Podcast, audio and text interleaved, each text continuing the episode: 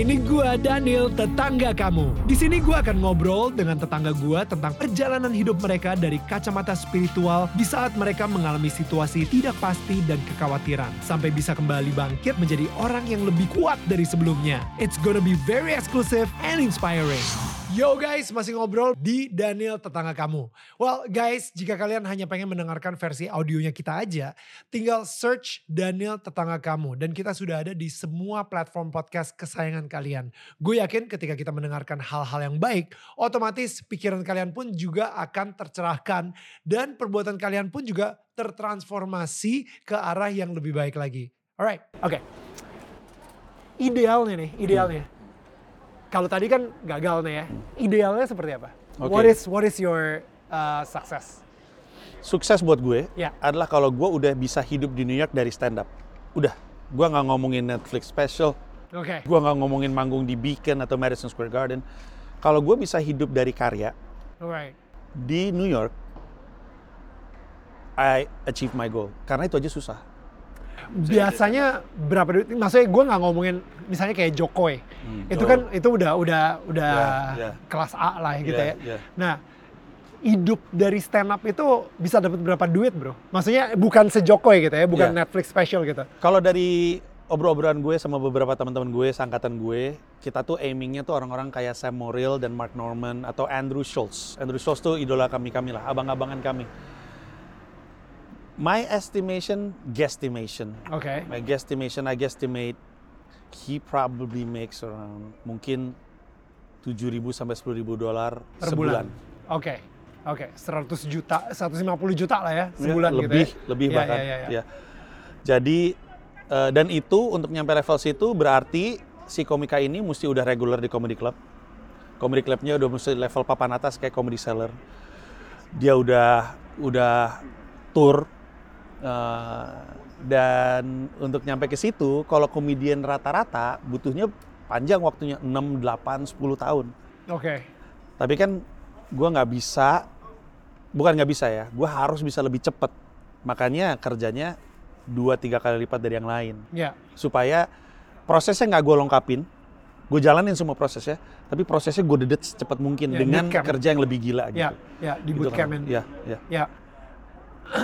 Em, berarti oke. Lo lo lo berarti berarti kayak kayak kayak mikirnya nanti bakal tour eh, keliling US. Orang bakal nerima lo sebagai orang Indonesia. Hmm. Em, jokes-jokesnya juga jokes lu kebanyakan Indonesia juga dong. Gue banyak ngomongin perbandingan Indonesia Amerika. Oke. Ketika lu ngomongin soal Indonesia, ada yang tahu gak sih Indonesia di mana? Sedikit. Iya kan? Sedikit ya. Lu kayak- Tapi gue sadar itu justru aset gue. Jadi awal-awal gue waktu stand up, gue tuh topical. Karena di Indonesia kan gue komedian yang topical ya. Ya, oke. Kalau lagi ngomongin lagi rame soal misalnya Pak Jokowi ya jokes gue tentang Pak Jokowi. Right. Ada tentang sepak bola, gue tentang sepak bola, topical. Oke. Ke sini gue melakukan hal yang sama. Terus gue nggak dapat respon. Sampai ada satu komedian, gue inget kejadian di West Side Comedy Club juga. Ada Oke. komedian bilang, bro, yang kita nggak tahu tuh sebenarnya soal Indonesia loh. Right. Karena lu kalau misalnya mau ngomongin Trump, semua, Semua ngomongin ngomongin Trump, itu, iya. topical gitu. Iya, lu ngomongin soal misalkan uh, uh, movement soal LGBTQIA, semua juga ngomongin itu. Iya, iya. Ekonomi semua juga ngomongin itu. Kita malah nggak tahu apa-apa soal Indonesia. Right. Ketika gua mulai ngomongin Indonesia, baru mulai merhatiin. Nah, merhatiin tuh baru satu hal ya. Lu lu mesti bikin orang New York merhatiin dulu, baru nyari cara untuk bi- bikin mereka ketawa. Iya. Gue sadar ketika gue mulai ngomongin Indonesia, baru mereka mulai nyimak gitu. Gue pernah bahkan, I, I, I remember this. Gue manggung di, di gue ngebuka untuk seorang komedian namanya Sammy Obeid. gue buka dengan Good evening, my name is Panji, I'm from Indonesia. Itu sekitar 200 orang, itu bunyi, uh, gitu kayak, oh gini orang Indonesia kayak gitu. Satu ruangan tuh kayak, gue bilang, loh kenapa lo kayak kayak gue satwa langka? Gue baru ngeliat nih orang Indonesia gitu. Jadi gue yang, oh benar berarti. Nah tapi dapat perhatian ada satu hal. Next stepnya adalah, how do I make them laugh kan? Ternyata dengan being relatable. Oke. Jadi joke gue tuh banyak komparasi. To make it relatable, gue ngomongin Indonesia, tapi dalam perbandingan dengan Amerika. orang Amerika. Iya. Baru mulai kena, baru mulai dapat tawa dan seterusnya. Jadi Oke. itu cara gue di sini. Hmm. Yang mereka contoh dong, maksudnya yang mereka Ya, get ya. itu seperti apa? Ini salah satu joke gue. It, it, it kills everywhere every time. Joke gue tuh soal, uh, gue bilang Ya, pakai bahasa Inggris kayak. Ya. Uh, uh, there's this stereotype that we're lazy. Terus gue bilang we're not lazy, we're just not accustomed to work hard. Oke. Terus gue bilang soalnya uh, orang Indonesia itu kan we're a tropical country. We don't have deadlines like the winter to hunt and gather food. Ah. There's always tomorrow, there's always the next day. That's why one of the most famous saying in Indonesia is kalau bisa besok kenapa harus hari ini? Which means if you can do it tomorrow, why do it today? Nah, itu kena tuh mereka tuh. Ah. Karena procrastination Ya. mereka juga gitu. Ya, Terus gue tutup lagi dengan kalimat and I know what you're thinking. You're thinking, hmm, I might be Indonesian myself. Terus biasanya mereka ketawa lagi. Jadi gue ngomongin procrastination yang mana Ya. orang Amerika ngerti, Betul. tapi dikaitin dengan kultur Indonesia, Kultur Indonesia. gitu. Ya. Nah, joke-joke kayak gitu, yang komparasi-komparasi itu sering sekali kena. Ada gue ada satu lagi joke yang lebih pendek. Eh, biasanya gue buka set gue dengan My name is Panji from Indonesia. If you don't know where that is, it's so peaceful. Barack Obama spent his childhood there. It's so beautiful. Donald Trump goes there to play golf, and it's so far away. Joe Biden probably won't survive the trip. Terus mereka bisa ketawa karena kan jauh kan perjalanannya. Ya, ya, ya. Joe Biden sudah tua. Ya, ya, ya. Nah, ya, ya. itu kan referensinya referensi mereka. Ya. Tapi ngomongin Indonesia. Ya. Nah, gitu aja strateginya. Ah. Ya, ya, ya. That's good. Ya. Jadi gue gue seneng bahwa ternyata ternyata gue hanya cukup jadi diri gue sendiri aja Ya. untuk untuk to make it here Ya. karena orang di dunia itu apresiatif sama perbedaan. Ya, ya. Bro, um, how does it feel getting out of your comfort zone? By the way, getting out of comfort zone ya, uh, keluar dari zona kenyamanan. Kita selalu bilang kayak it's very inspiring gitu, tapi ini real real story banget gitu. Jadi kayak ya, gimana rasanya keluar dari zona nyaman sih? Sekilas eh, nakutin, terus setelah lewat fase nakutin langsung ngerasa bodoh.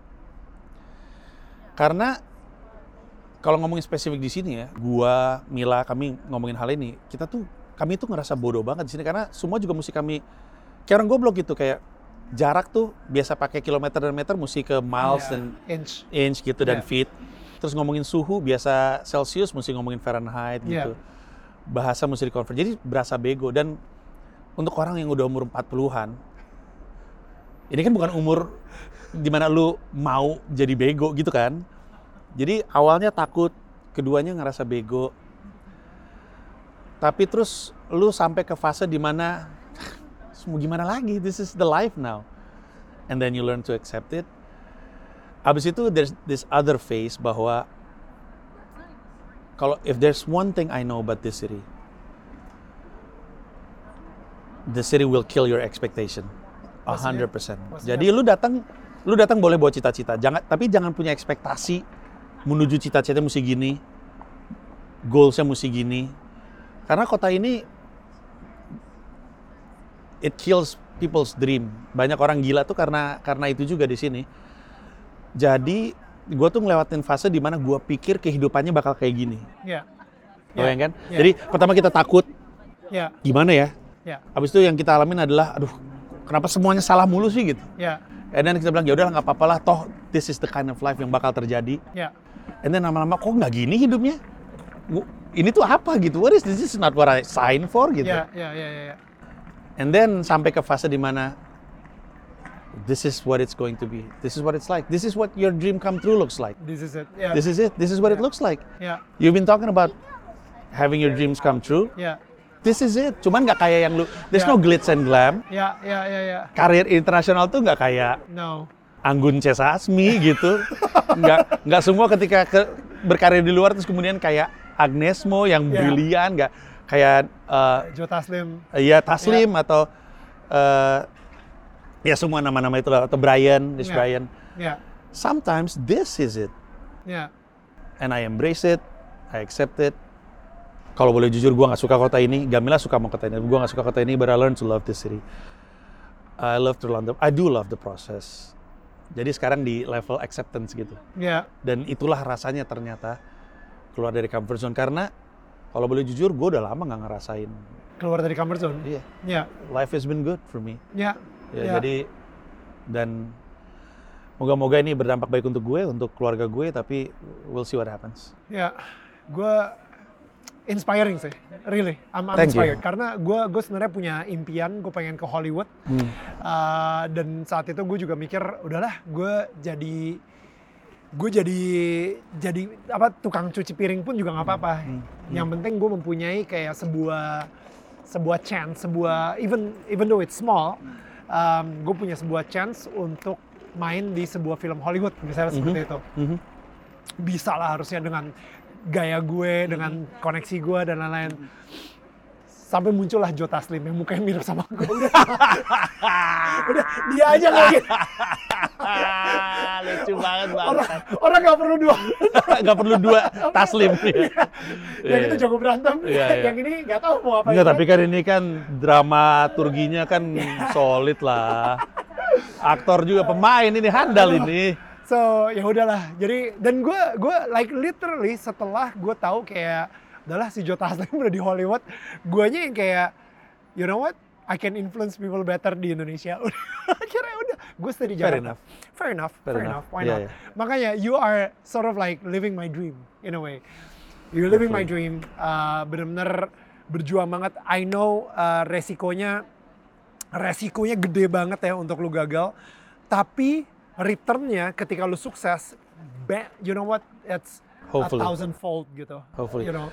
Gue tuh sebenarnya cita-cita gue tuh sebenarnya nggak nggak muluk-muluk. I just want when I'm old, Daniel, misalkan gue udah tinggal di sini, gue udah tua, gue duduk, duduk di taman gitu.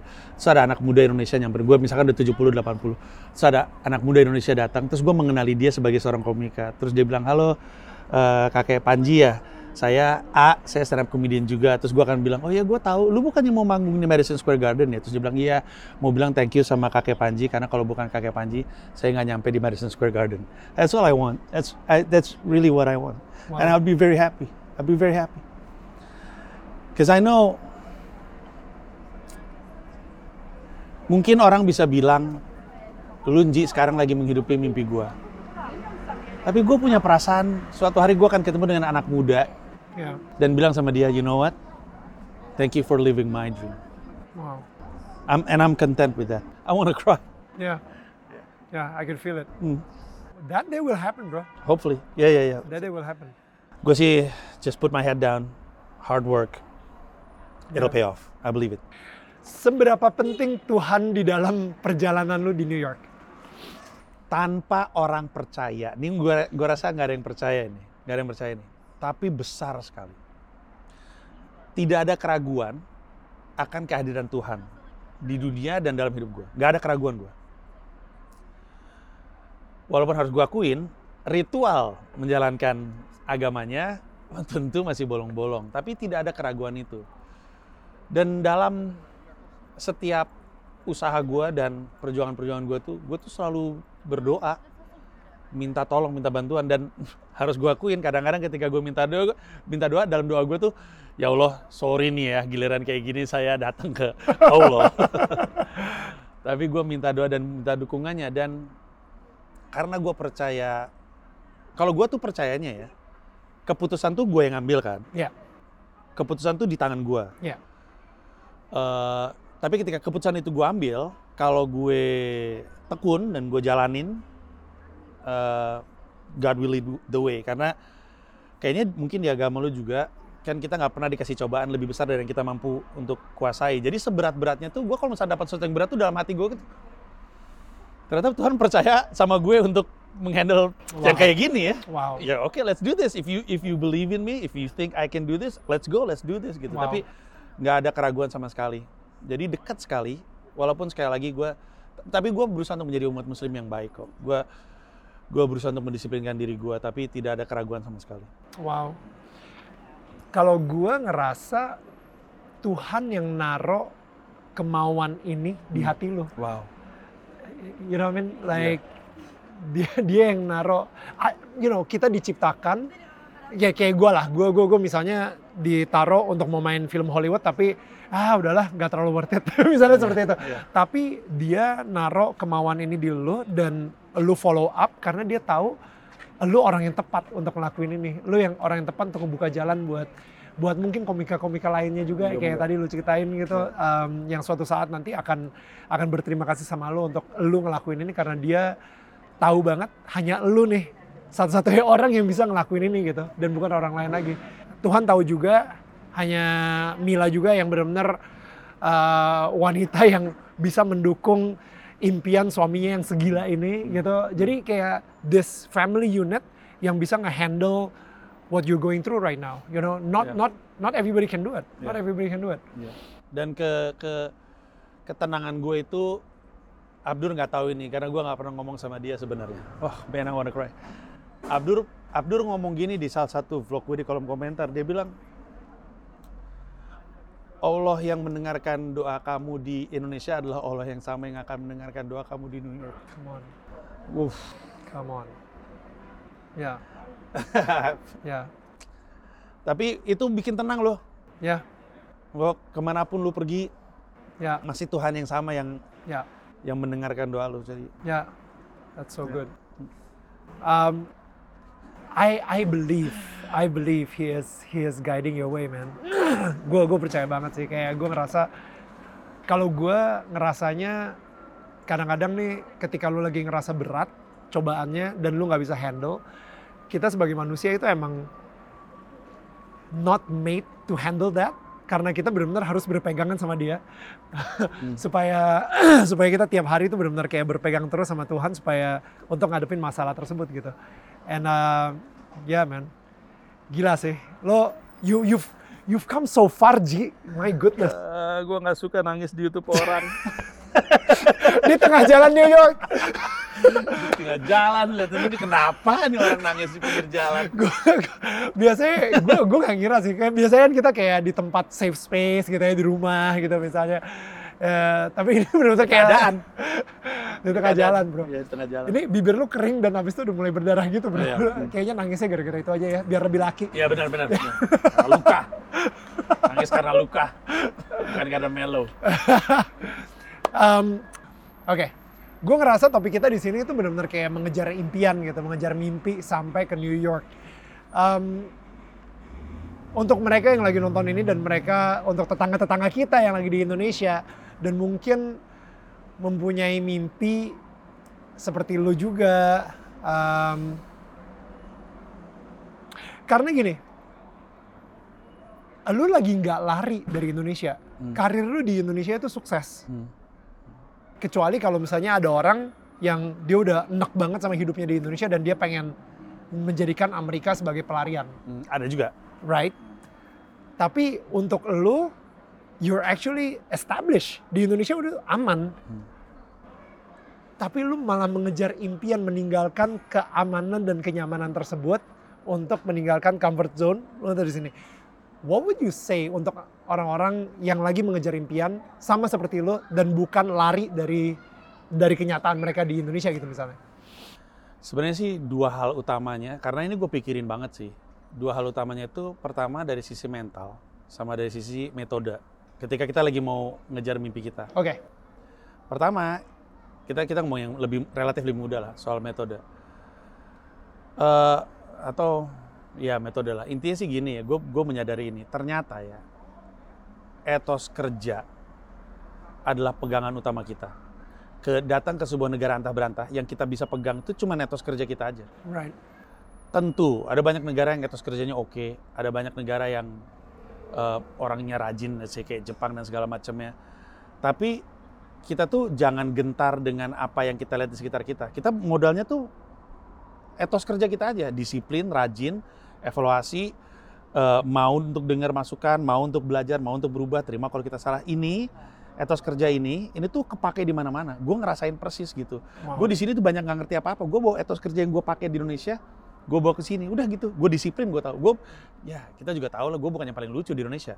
Hmm. Tapi yang membawa gue di level itu dalam karir di Indonesia adalah etos kerja gue. Gue bisa bilang mungkin gue lebih rajin daripada yang lain, lebih disiplin dari yang lain, lebih Right. sering gagal daripada yang lain, lebih berani ngambil resiko dari yang lain. Itu gue bawa ke sini. Jadi right, apa pun mimpi dan cita-cita lo, kalau lagi lo kejar, yang lo pegang adalah etos kerja lo aja. that's good. Yang kedua, secara mental ya, secara mindset, kalau kalau directing ya, kalau lagi menyutradara, gue dikasih masukan. Uh, tapi gue lupa sama siapa, nggak tahu Mas Hanung apa, gue lupa sih. Tapi dia ngasih masukan bagus banget dan ini ke kehidupan juga kepake. Dia bilang gini, kalau kita lagi ngerjain adegan, jangan terlalu fokus sama adegannya mesti kayak apa, tapi ingat adegannya tuh apa sebenarnya. Karena kadang hidup dan keadaan tuh nggak bisa ngasih lu adegan seperti yang ada di kepala lu. Hmm. Tapi pertanyaan adalah adegan tentang apa? Kalau itu berhasil lu capai, that's it, that, that's your scene, right? Sama. Sebenarnya mimpi dan cita-cita lu tuh at the core base of it itu apa sih sebenarnya? Karena bisa aja lu capai walaupun bentuknya nggak kayak yang ada di kepala lu. Kebayang? Kadang-kadang kita terlalu terpatri sama bentuknya harus kayak gini, kayak gini bentuknya cita-cita gua nih.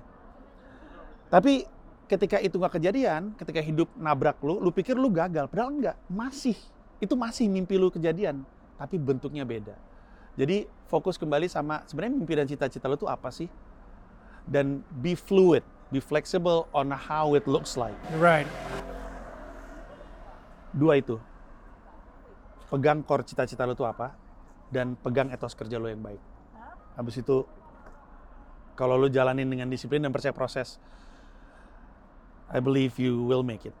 I do believe you will make it. Hmm. Termasuk kalau lo mau jadi aktor loh, Neil. Belum terlambat loh. Iya, iya, gue mulai latihan silat dulu, bro.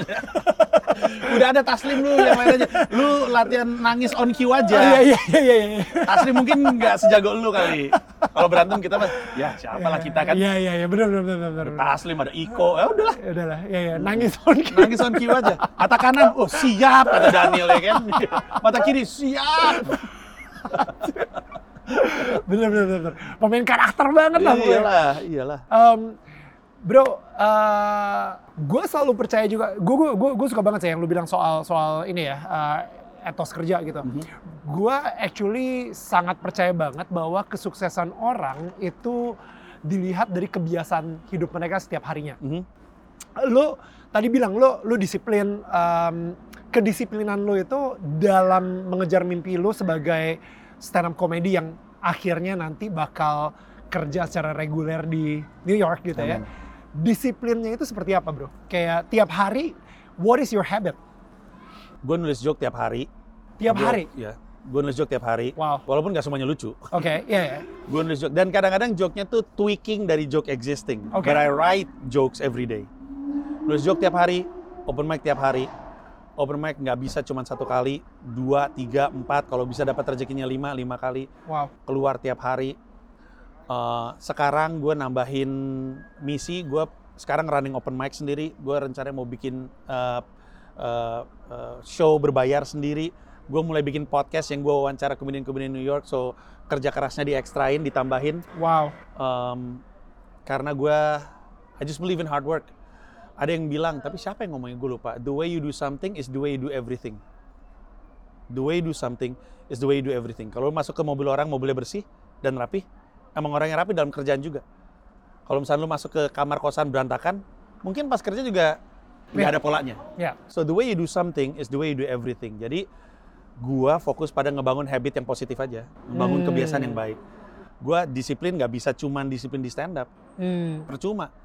Gue harus disiplin di semuanya, disiplin di jaga kesehatan, disiplin di makan, Hmm. disiplin di beribadah. Itu yang Ya. lagi gue pengen cobain karena the way you do something is the way you do everything. Kalau gue disiplin dalam semua aspek kehidupan gue, stand up nggak usah gue pikirin lagi karena pasti disiplin juga. Wow. Jadi itu aja. Ya, ya. That's good.